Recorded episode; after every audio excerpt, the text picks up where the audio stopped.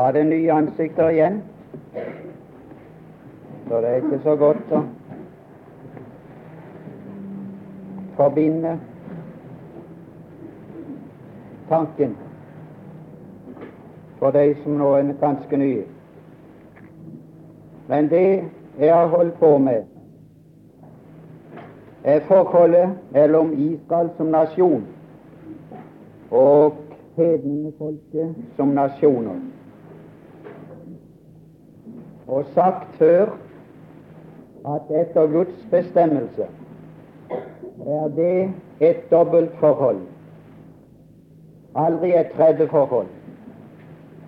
Det er et dobbeltforhold at enten skal Israel som nasjon være over, eller også skal Israels nasjon være under hedningefolkene. Og vi hadde da kommet til Daniel, det andre kapittel, der Daniel får i oppdrag å vise karakteren av hedningefolkene fra Nebukaneser og til Kristus kommer igjen for andre gang til Oljeberget, som menneskesønnen for slekten, som Messias for Israel. Og vi skal nå lese litt videre om den drømmen der. Vi synger i en sang han tek ikke glansen av livet, men han tok glansen av tempelet. Han tok glansen av de fagre stener. Han sa der skal ikke lade sten tilbake på sten. Så tok han glansen av alt som hette jødedom. Og når vi nå leser om rigene, så skal vi se at han tar glansen av rigene fullstendig og skildrer det så mørkt som det kan skildres, så mørkt at det finnes ikke en eneste bestanddel som den Herre Jesus gjør seg bruk av når han kommer for å opprette sitt rike. Derimot må han fjerne alt og føre inn sitt nye prinsipp, som kalles jordens gjenfødelse, i slutten av Matteus 19. Men det skal vi komme til senere. Det første bildet og den første lære om hedningefolkenes tider det finner vi her i, Luka, i Daniel 2. Og som jeg sa, det ble gitt til en hedens konge og representerer hans eget syn på saken. Vi skal lese fra vers 31, Daniel 2, 31. Hvis vi kan rekke det, så skal vi på slutten komme inn litt på profeten som jeg nevnte her en dag før, der er glans. Der er en vidunderlig glans. Det er ei stjerne som aldri skal slukkes. Og der skulle vi ta for oss åssen det korresponderer med fortrolighet. En hengivenhet fra den ene side, så gir den andre seg også hen. Og så lukker Herren oss inn i sitt fortrolige råd og så kan han ikke holde seg, han må åpenbare sine planer for oss. Slik har all fortrolighet med seg du har lyst til å dele. Men den fortroligheten kan hindres av vår vandring, dessverre. I Daniels liv var det ingenting som hindra, ikke i hans tre venners liv heller.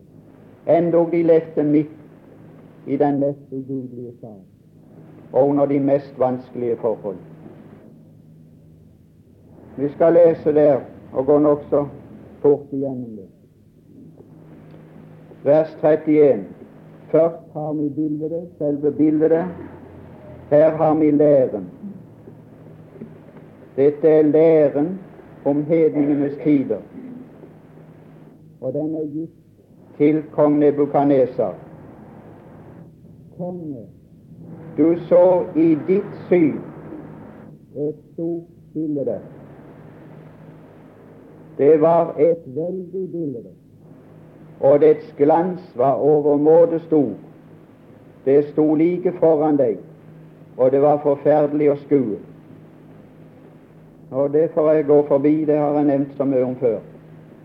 Det er menneskets tanker, og de finner du representert i kapittel 3 i denne Daniels bok igjennom. Og så Nebukadneser gikk omkring på stadens mur og sa er det ikke dette store Babylon som jeg har bygget? Menneskets syn på menneskets verk, stolthet og storhet i det uendelige. Og den ånd som rår i verdensriket i dag, den smitter også over på menigheten. Forferdelig. Det ordet som som gjelder i våre dager, det, det ordet er stort. Det er karakteren for våre dager. Det er stort. Nå kan vi ikke, nå kan vi ikke i politikken klare oss sjøl her. Vi er med i noe som må være større. Og en større enhet må gå inn i en enda større enhet. Det, det, det, det, det, det er sammenslutning. Det er makt ved masse. Det er ikke makt ved kvalitet. Det er makt ved massen. Og det er makt ved masse som igjen velger ut en toppfigur. Så det blir sentralisert i én mann på slutten. Så det forberedes nå for Antikrist. Alle systemer er lagt tilbake som ikke hadde den karakter. Og så blir det systemet igjen som han kan ta i bruk når han trer inn og skal gjøre sin veldige gjerning på så kort tid. Vi skal komme til det siden her. Bildet, det var fint gull. Hodet var fint gull. Ja, nei, dette er selve, dette er selve drømmen. Vi skal ta læren, vi har ikke tid til det. Vers 37, det er læren. Og nå sier jeg med en gang at skal du forklare hva hedningenes tider er, så må du ha lære fra Skriften. Det kan ikke nytte å, å rive ut et ord fra Skriften og aldri ha et eneste skriftbevis for det. Jeg har her et blad som jeg tilfeldigvis har kommet over, som i hele det stykket har bare et eneste skriftsted som egentlig ingenting har med tingene å gjøre. Men der påstås det at dette med Israel er blitt en salighetssak for oss. uten et eneste bevis fra Skriften. Bare påstander. Skal vi komme med en påstand, må vi ha den fra Skriften. Og her er Skriftens lære om hedningenes tider, begynnelsen, fortsettelsen og slutten. Du kongenes konge, som himmelens Gud, har gitt riket og makten og styrken og æren. Der begynner hedningenes side. Og den er av rent politisk art. Det kan du ta med. Den er av rent politisk art. Her er alminnelig makt, og her er alminnelig styrke og ære, som er overgitt til hedningene. Og så står det i vers 38 overalt Kan hende noen stussa på det uttrykket går. Gud hadde gitt Nebukadnesar og kunne innta alle verdens riker så langt som det var mennesker og dyr. Han gjorde det ikke fordi han ikke svarte til bildet av gull, men etter hvert ble stolt og stor, og Gud måtte ydmyke han, så han kastet han vekk fra tronen, og han levde som et dyr i lange tider. De har aldri nådd de har aldri nådd sitt mål, selv om Gud hadde gitt han makt til å underlegge seg den ganske jord. Han har gitt det i din hånd og gjort deg til herre over. Der har du forholdet. Over dem alle. Og her er innbefatta Palestina. For, for, Daniel var selv en jødisk fange i, i under kong Nebukaneser. Du er hodet av gull. Men, står det, skal det vare. Her er et trekk ved alle disse riker. Det er at de alltid utarter og varigheten tar slutt. Men står det på slutten der kommer et rike som ikke skal ha det karaktertrekk. Der er ingen som skal komme etterpå, for det er det fullkomne. Men etter deg skal det oppstå et annet rike. Karakteren av det ringere enn ditt. Ringere enn ditt. Hvis du vil sette et, et skriftsted der, så kunne du sette 5,6 er det vel.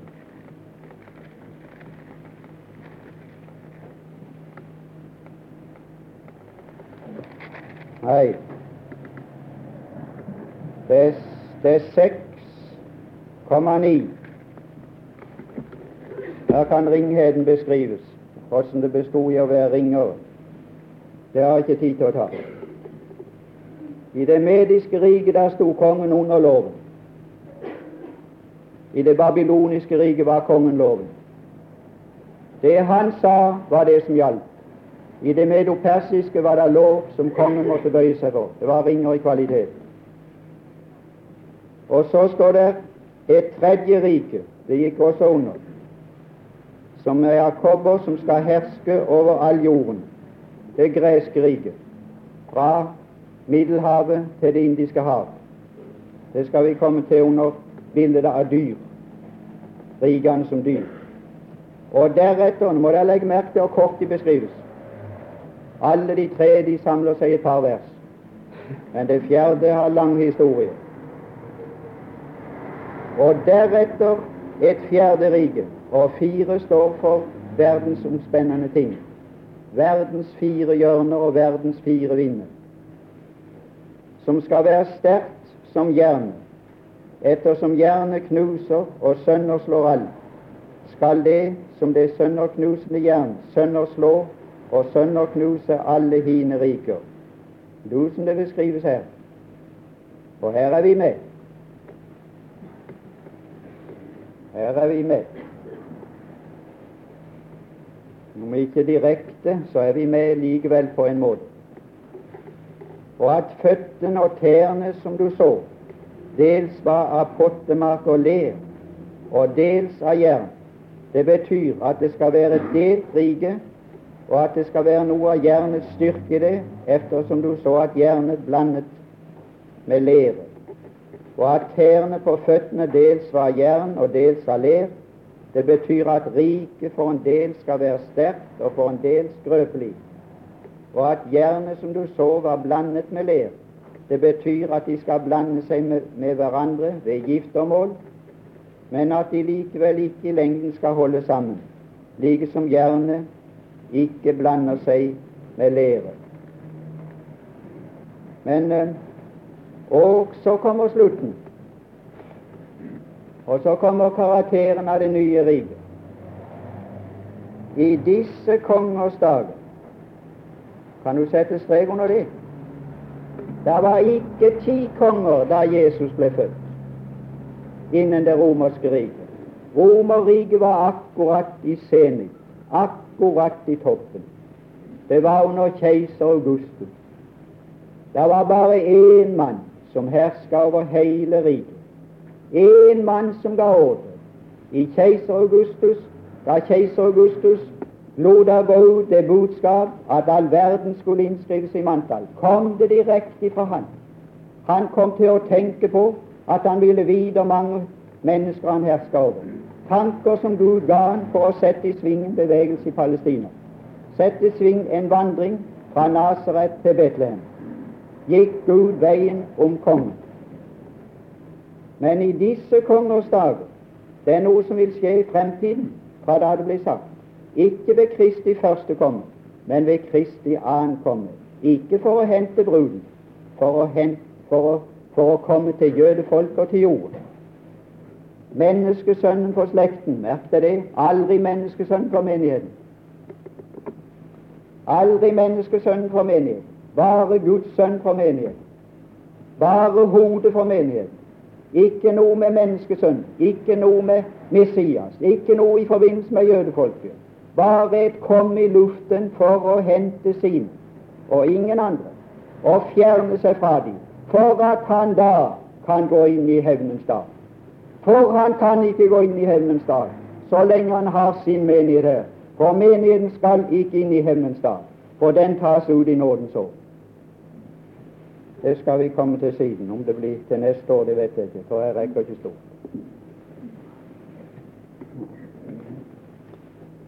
Disse kongers dager vil himmelens Gud og opprette sitt rike, som i all evighet ikke skal ødelegges. Annen karakter. Videre sier han og dette riket skal ikke overlates til et annet folk. Skal ikke det. Det skal knuse og gjøre ende på hine riker, og selv skal det stå fast evinnelig. Ja, det skal ikke stå fast i verden evinnelig. Nei, nei. Men det skal ikke overlates til andre. Men der kommer en dag når tusenårsriket slutter også. Og hør nå når han fører det inn i den evige verden og eviggjør alt som han har stelt med i de 6000 år, og eviggjør jorden, og eviggjør jødefolket, og eviggjør hedningefolkene, og fører alt inn som Fader for evigheten, som preger alt som finnes der. Skal du være med der? Men ikke nedover, men oppover. De andre gikk nedover, hans rike går oppover. Det er det eneste lyspunkt der er i denne profeti. Den tar glansen av livet, det skal være vist. Den tar glansen av denne verden, det skal være vist.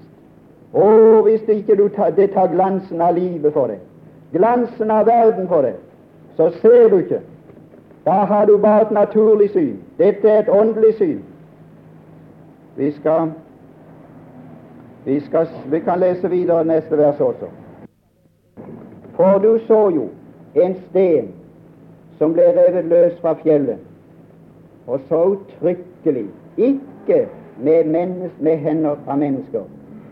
Altså, denne gang er ikke Gud ut, er ikke Gud avhengig av mennesker i denne tjeneste her, og dette som han gjør her.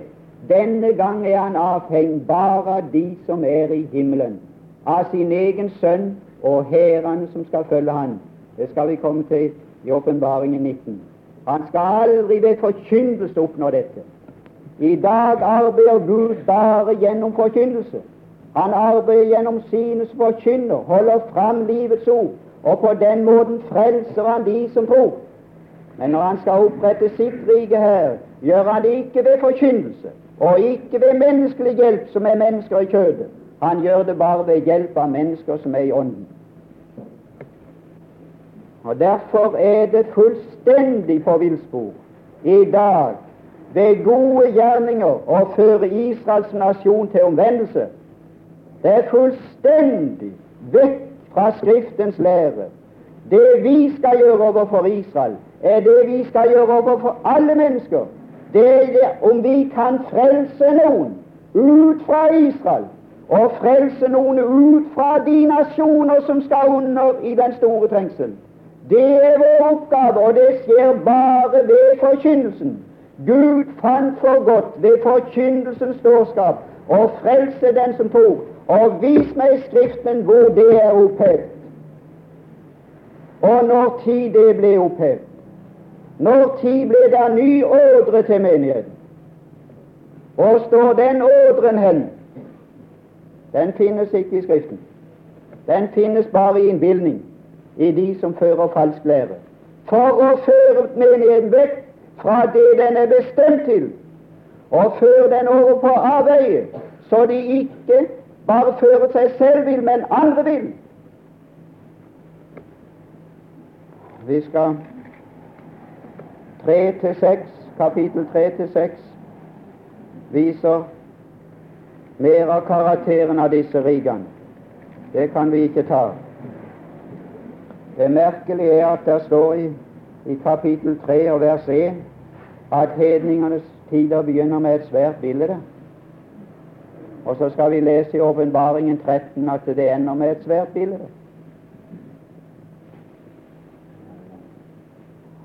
Ja, ja. Og så, og så, så ender det med tegn og under. Jeg vet det er for noe som er folk er så veldig opptatt med tegn og under nå. Hva vet det er for noe? Ja, det skal jeg vite. Jeg skal vite hvor den innflytelsen kommer ifra. Det skulle jeg vite. Det er ikke Antikristånd som er ute og forbereder. Vi skal gå vekk ifra det. Dere kan lese det sjøl. Bildet som ble reist opp, og så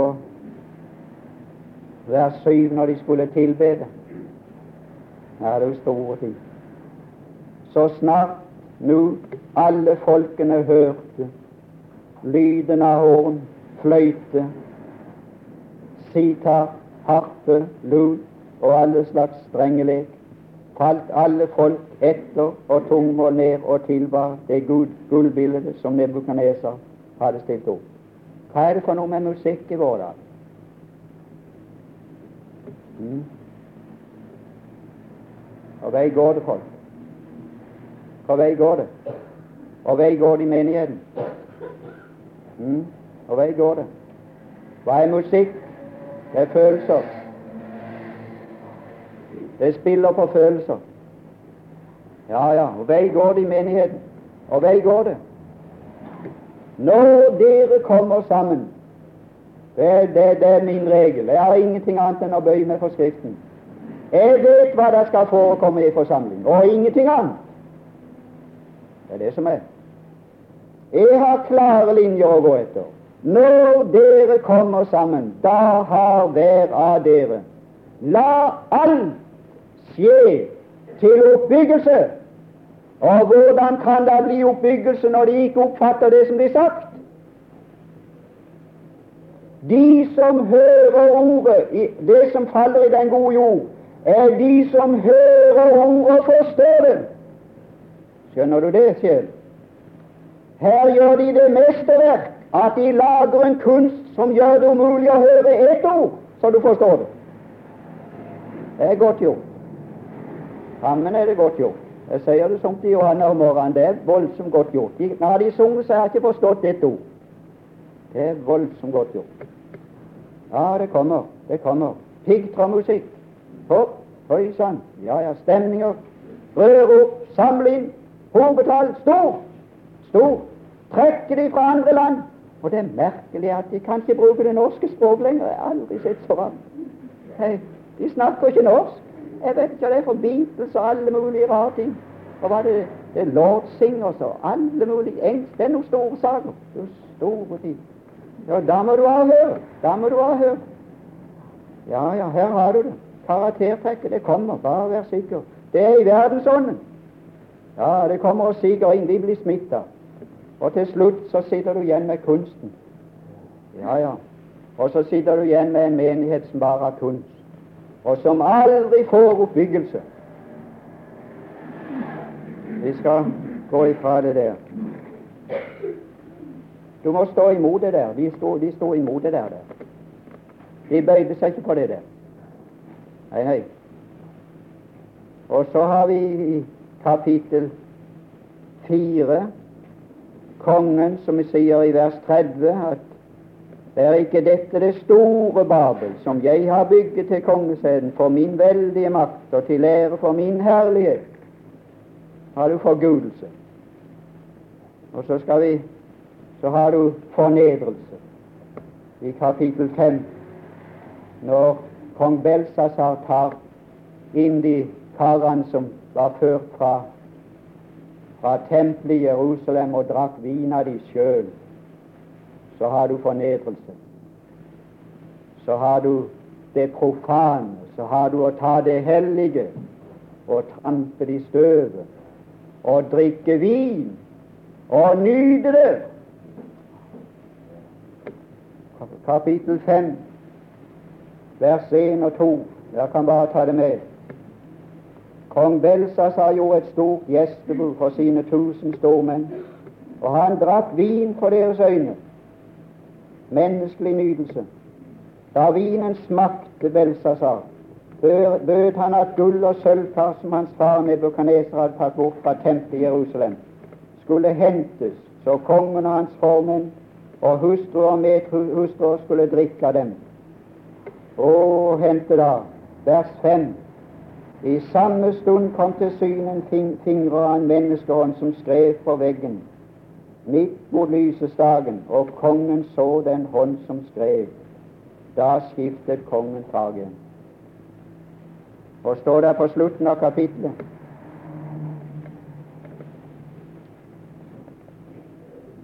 Vers 22. Her kommer arven inn i religion. Her kommer lyset inn som er kommet inn ved fedrene, som skal forkastes av barna. Men du, Belsasar, hans sønn, har ikke ydmyket ditt hjerte enda du visste alt dette. Der har du kristenheten i de siste tider med frafallet, som skal forkaste Skriftens lære og trampe det hellige under fot og rive denne Bibel i stykker fra ende til annen. Så det er ingenting å lide på til slutt. Og det finner vi igjen i andre Tessalonikerbrev 2. Frafallet som må komme. De har hatt sannheten, men de har vendt seg fra sannheten og vendt seg til løgnen. Og det er den tid som begynner å nærme seg nå, og vi har litt av virkningene innover oss i menigheten i dag. Men vi skal gå til kapittel 7 og se ikke kongens syn, men profetens syn. Guds syn. Og nå skifter bildet karakter fullstendig. Vers 2. Vi har ikke tid til å lese mer. Daniel 7, vers 2. Nå er det Daniel som har en drøm.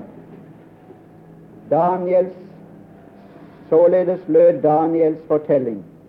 Jeg hadde et syn om natten, og i det syn så jeg hvorledes himmelens fire vinder brøt frem over det store hav. Og havet, der må lære Bibelen spilles for. Havet står for hedningeverdenen. Ja, ja. Her er noen som forkynner i det uendelige. De har aldri gjort forskjell på det dyret i Åpenbaring 13 som steg opp av havet, og det som steg opp av jorden. Hvis du spør dem om det, så sier de nei, det er det ikke noe forskjell på. Jo, det kan du stole på det er. Et dyr som stiger opp av havet, er noe ganske annet enn det dyr som stiger opp av jord. Her er havet. Det er hedningeverden. Ja, her er havet. Her er hedningenasjoner som stiger opp. Forbund. Ikke, ikke, ikke Israel. Det er utenom. Det er skilt utenom. og, og fire store Så nå skifter det karakter. Nå er det ikke menneske lenger. Det er dyr. Og ikke dyr som finnes skapt av Gud i naturen, men vannskapninger. Ja, de finnes ikke i naturen. Der finnes ikke ei løve på den måten. Det er vannskapninger. Og dere vet vel hva merket Norge har på sitt skjold. Og så vil de lage fred i denne verden med rovdyr til merke. Kan dere se blindheten? Kan dere se at det er et slør som tilslører alle folkenes øyne, og som de aldri kan komme klarer før Kristus skal ta det bort i tusenårsriket? Derfor er det ingen håp. Der er ingen forbedringer. Der er bare nedgang. Der er bare fornektelse. For de er dyr. Og dyr betyr i Skriften en skapning som ingen Gud har. For dyr har ingen forbindelse med Gud. Du kan lese det i Salme 73.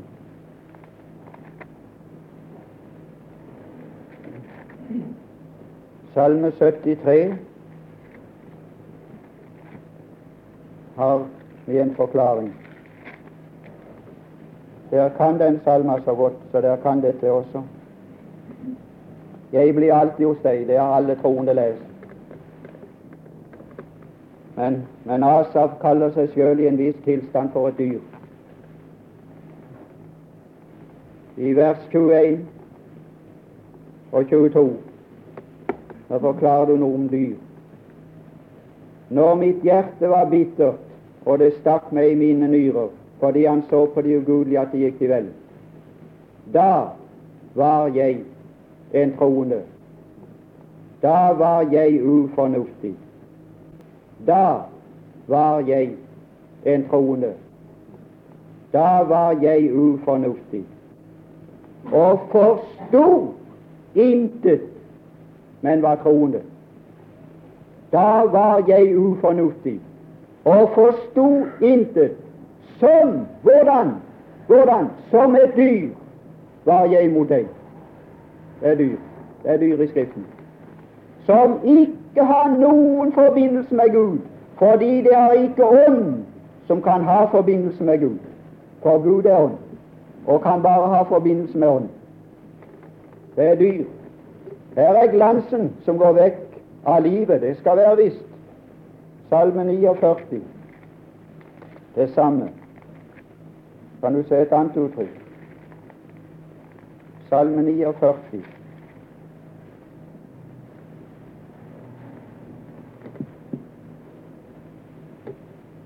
Vers 13 og vers 21. De er ikke dyr. Det er det som er det svære men de er som dyr. De er ikke dyr, de er i herlighet. Det står her, og likevel er de som dyr. Vers 13 av Salme 49. Og dog blir et menneske i herlighet, ikke stående. Hva er menneskets herlighet? Det er den åndelige utrustning. Det er menneskets herlighet. Ja, ja. Den kalles fryd. Den kalles fryd. Det er sjelen, det er ånden i mennesket. Det høyere element som er skapt til å ha samfunn med Gud. Men når de er ufrelst, er den fullstendig død, og mennesket kalles for kjød.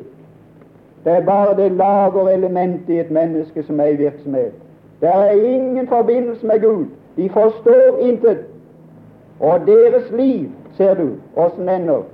Han er lik dyrene. Hvordan? Dyrene som går til grunne, som er født til å fanges og forgå og forsvinne. Mens her et menneske i herlighet er født til å være samfunn med Gud og få et liv som eksisterer i evighet. Så har de et liv som går til grunne, ikke tilintetgjøres, men den dag døden kommer, så tilintetgjøres deres tankers råd. Det er slutt. Alt de har tenkt, det tilintetgjøres. Vers 21. Et menneske i herlighet, det er samme tanken, som ikke har forstand, er lik dyrene som går til grunne. Venner, det er alle ufrelste skjebne. Det er deres skjebne som vi går sammen med om dagene som ikke er frelst. I neste nu er alle deres tanker gjort til intet, og hele deres liv er gått til grunne. Og de går inn i en evig tilværelse der det ingenting er til å fylle den natur som de hadde her. Og så begynner gråten øyeblikkelig. Kan du skjønne det ordet da at vi skal redde de som hentes til døden? Menneske i herlighet. Og så lever lik dyrene som forgår. Fire store dyr steg opp av havet, ikke av jorden. Og alle var de forskjellige fra hverandre. Det er de fire verdensrikene igjen fremstilt som dyr. Det første var som en løve, det er dyrenes konge, det er Nebukaneser. Men det hadde ørne vinger. Alt dette kan vi ikke gå, må vi gå forbi. Mens jeg så på det, ble det et svinger revet av, og det ble løftet fra jorden og reist på to føtter som et menneske. Tenker du har det i kapitlene forut. Og det fikk et menneskehjerte. Det hadde iallfall Belsasar. Når han så Skriften på veggen, så hadde han ikke løvehjerte. Da skalv knærne imot hverandre. Så fikk jeg se et dyr til, det andre i rekken. Det var likt en bjørn som reiste seg på den ene side. Ja, det medopersiske riket. To armene og brystet. Riket av sølv. Som sto på ett ben. Det var sterkere på den ene sida til å begynne med enn den andre sida. Meder og perser. Meder var det første som fikk kongedømme. Det leser vi om her i, Bibelen. Det er ikke noe å, å, å hefte seg med. Og det ble sagt at du skulle ete meget kjøtt. Det var, var karakterisert ved sin brutalitet mot de overvunne. Det var aldri romerne. Jeg viste ikke brutalitet i den forstand. Ikke, ikke i den forstand når de, når de inntok landene. Til og med jødene fikk beholde sitt tempel og sin religion og sitt styre. De trampa ikke bare ned. De lot de ha sitt, men beholdt makta over dem. Og så står det en leopard, kjent for sin hurtighet. Alexander den store, som reiste fra Grekenland og til India, og som gråt da det ikke var flere land å erobre. 33 år gammel hurtighet, drakk seg i hjel, og fire generaler overtok riket. Og her har du de fire hoder. Det fikk stort velde. Både leopard og vinger, da går det fort. Da er det hurtig. Og dette er sagt før rigene oppsto. Ja, ja, du kan være sikker på profetien går i oppfyllelse. Det skal skje. Og så har du det fjerde. Et fjerde dyr fryktelig og forferdelig, overmåte sterkt. Det hadde tenner av jern, åd og knute. og det som ble til overs, trådte det ned med sine føtter. Det var annerledes enn alle de første dyr og hadde ti horn. Men dette er Romerriket sin slutt, ikke Romerriket sin begynnelse. For det er ti konger her, og det er bare Romerriket sin slutt, ikke sin begynnelse. I sin begynnelse var det bare én keiser, men i sin slutt er det splitta opp i, to, i ti riker.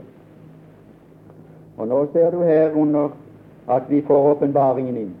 Åpenbaringen fyller ut Daniel. Åpenbaringen fyller ut Gamle testamentlige profetier. Nå får vi noe ganske nytt. Nå får vi ikke bare at Gud skal opprette riket, men hvordan Gud skal opprette riket. Det blir det nye i dette kapittelet. Vers 9. Nå kommer det tillegg. Mens jeg så på dette, ble det satt stoler frem. Og ja, vi må lese det, det åttende verset òg, for det sikter til Antikrist. Jeg aktet nøye på hornene. Da fikk jeg se et annet lite horn som skjøt opp mellom dem, og tre av de første horn ble rykket opp for dets skyld. Og dette horn hadde øyne og menneskeøyne, og en munn som talte store ord. Åpenbaringen 13.5 henvisning til. Sett strek under det, så har du, så har du romsdiktator. Så kommer avslutning og innførelsen av det nye riket.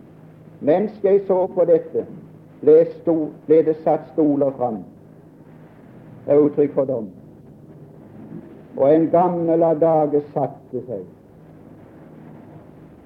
Hans kledebånd var så hvitt som snø. Håret på hans hode var som ren ull. Hans krone var ildsluer. Julen på den var brennende ild. Og så står det et vidunderlig vers. En strøm av ild fløt frem og gikk ut fra ham. Tusen ganger tusen tjente ham, og ti tusen ganger ti tusen sto foran ham. De skal også være med når han kommer igjen. Det skal bli en hær, det, du. Når han kommer med sin makts engle og alle de hellige som er rykt hjem. Du all verden for en hær! Du store tid. Og så kommer et merkelig uttrykk. Og retten ble satt. Retten ble sagt, og bøker ble åpnet. Ja, Det fikk jeg fag just nå. Det har jeg aldri sett før. Jeg har talt mye om bøker i himmelen, men hvorfor er de skrevet? For de skal brukes en gang. Ja, ja, de skal brukes i dommen. Ja, ja. Alle bøker som er skrevet i herligheten av Guds finger, skal en dag åpnes i en visdom, også for oss som er troende.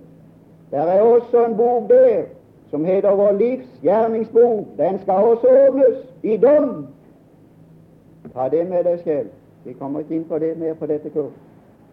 Kom i hu, venn, at alle dine gjerninger i tjeneste er skrevet opp hos Herren og skal frem i dom. Ikke i fordømmelse, men som prisdommer og belønner av lønn eller tap av lønn. Pass på at du ikke kaster vekk for mye bensin til en bil til ingen nytte. Pass på å sette inn i Guds bok og i Guds bank, som gir prosenter. Pass dere, ungdommer, og ikke lev i velferdsstaten, men lev i staten sett fra Guds øyne, som en stat som går under, der du er satt inn som den reddende hånd som skal være med og redde de som hentes til døden, og frelse de inn til den evige hellighet. Jeg vil bare be dere passe opp. Pass opp, pass opp, ungdommer. Pass opp. Det gikk an for Daniel og, og tre venner midt i den stat som flød av vin og overflod av mat og urenhet i alle retninger det gikk an for de å bevare seg rene for Herren, så han kunne bruke dem på en bestemt måte og meddele dem sitt råd. Det går an i dag. Det går an i dag å være et prisende og lykkelig folk, for det gjorde de. Ja, så ble retten satt, og mens jeg så på dette, ble dyret drept for det store ords skyld og håne og som hornet talte, åpenbaring 1919, når Herren kommer fra himmelen. Der har vi hvordan dette riket skal opprettes. Og som jeg har sagt før, aldri ved forkynnelse. Aldri ved forkynnelse, aldri ved evangeliet. Bare ved Hans personlige komme i herlighet og hærene fra himmelen. Så fikk jeg se, står det i vers 13, hvorledes en som lignet en menneskesønn, kom med himmelens skyer, åpenbaringen en sju under. Ser du åssen det lenker seg sammen? Og det ble gitt ham herredøm og ære og rike, og alle folk og etter og tungemål skal tjene ham. Hans herredømme er et evig herredøm som ikke forgår, og hans rike er et rike som ikke ødelegges. Så står det et tillegg i vers 17. For en konge må ha undersåttere. Og hvem skal bli hans nærmeste undersåttere? Det står der i vers 17 og 18. Disse fire store dyr betyr at det fire konger skal oppstå av jorden. Men den høyestes hellige skal få riket. Og vers 22 eller 21. Jeg, således, jeg så hvorledes dette horn, Antikrist og den romerske diktator, førte krig mot de hellige. Tror du det er oss, det? Nei, det er umulig, for vi er i herlighet da. Hvem er det hellige? Det er de 144 000 og troende jøder i den store trengsel. Det er de som er hans hellige, og ingen andre. Og det er de som der står inntil den gamle dagen kom og den høyestes hellige, jødefolket, fikk sin rett. Ja, ja, hva er det for en rett? Det er retten til å være over. Retten til å være hodet. De skal få sin rett. Vi har ingen rett i den retten. Vi har ingen rett i denne verden. Den fattige enke, den hadde en rett. Gi meg rett over min motstander. Israel forskutt av Herren som enke, som roper 'gi meg rett over min motstander', ellers blir vi utryddet av jordens overflate. Og han skal forkorte de dager og skynde seg og hjelpe de til sin rett. Og det er jødefolket, det, i sammen med Herren, som skal få sin rett til å være hode og ikke hale, til å gjennomføre riket til jordens ender. Det skal vokse fra en liten sten til det fyller den hele jord. Nå skal vi lese Nå må jeg slutte. Ja, nei, vi må la det være med det. Er det noen som, som vil ta et skriftsted, så kan du ta Isaias 54 og vers 17. Så skal vi la det være. Jeg håper at jeg med dette har fått gjort det litt klart hvordan dette skal skje, så at vi ikke befatter oss med ting som Herren aldri har anbefalt oss å gjøre, men at vi blir opptatt med det som vi har fått fra apostlene. La alt skje til oppbyggelse, og alle tilfeller frelse noen. Det er vår oppgave i denne tid.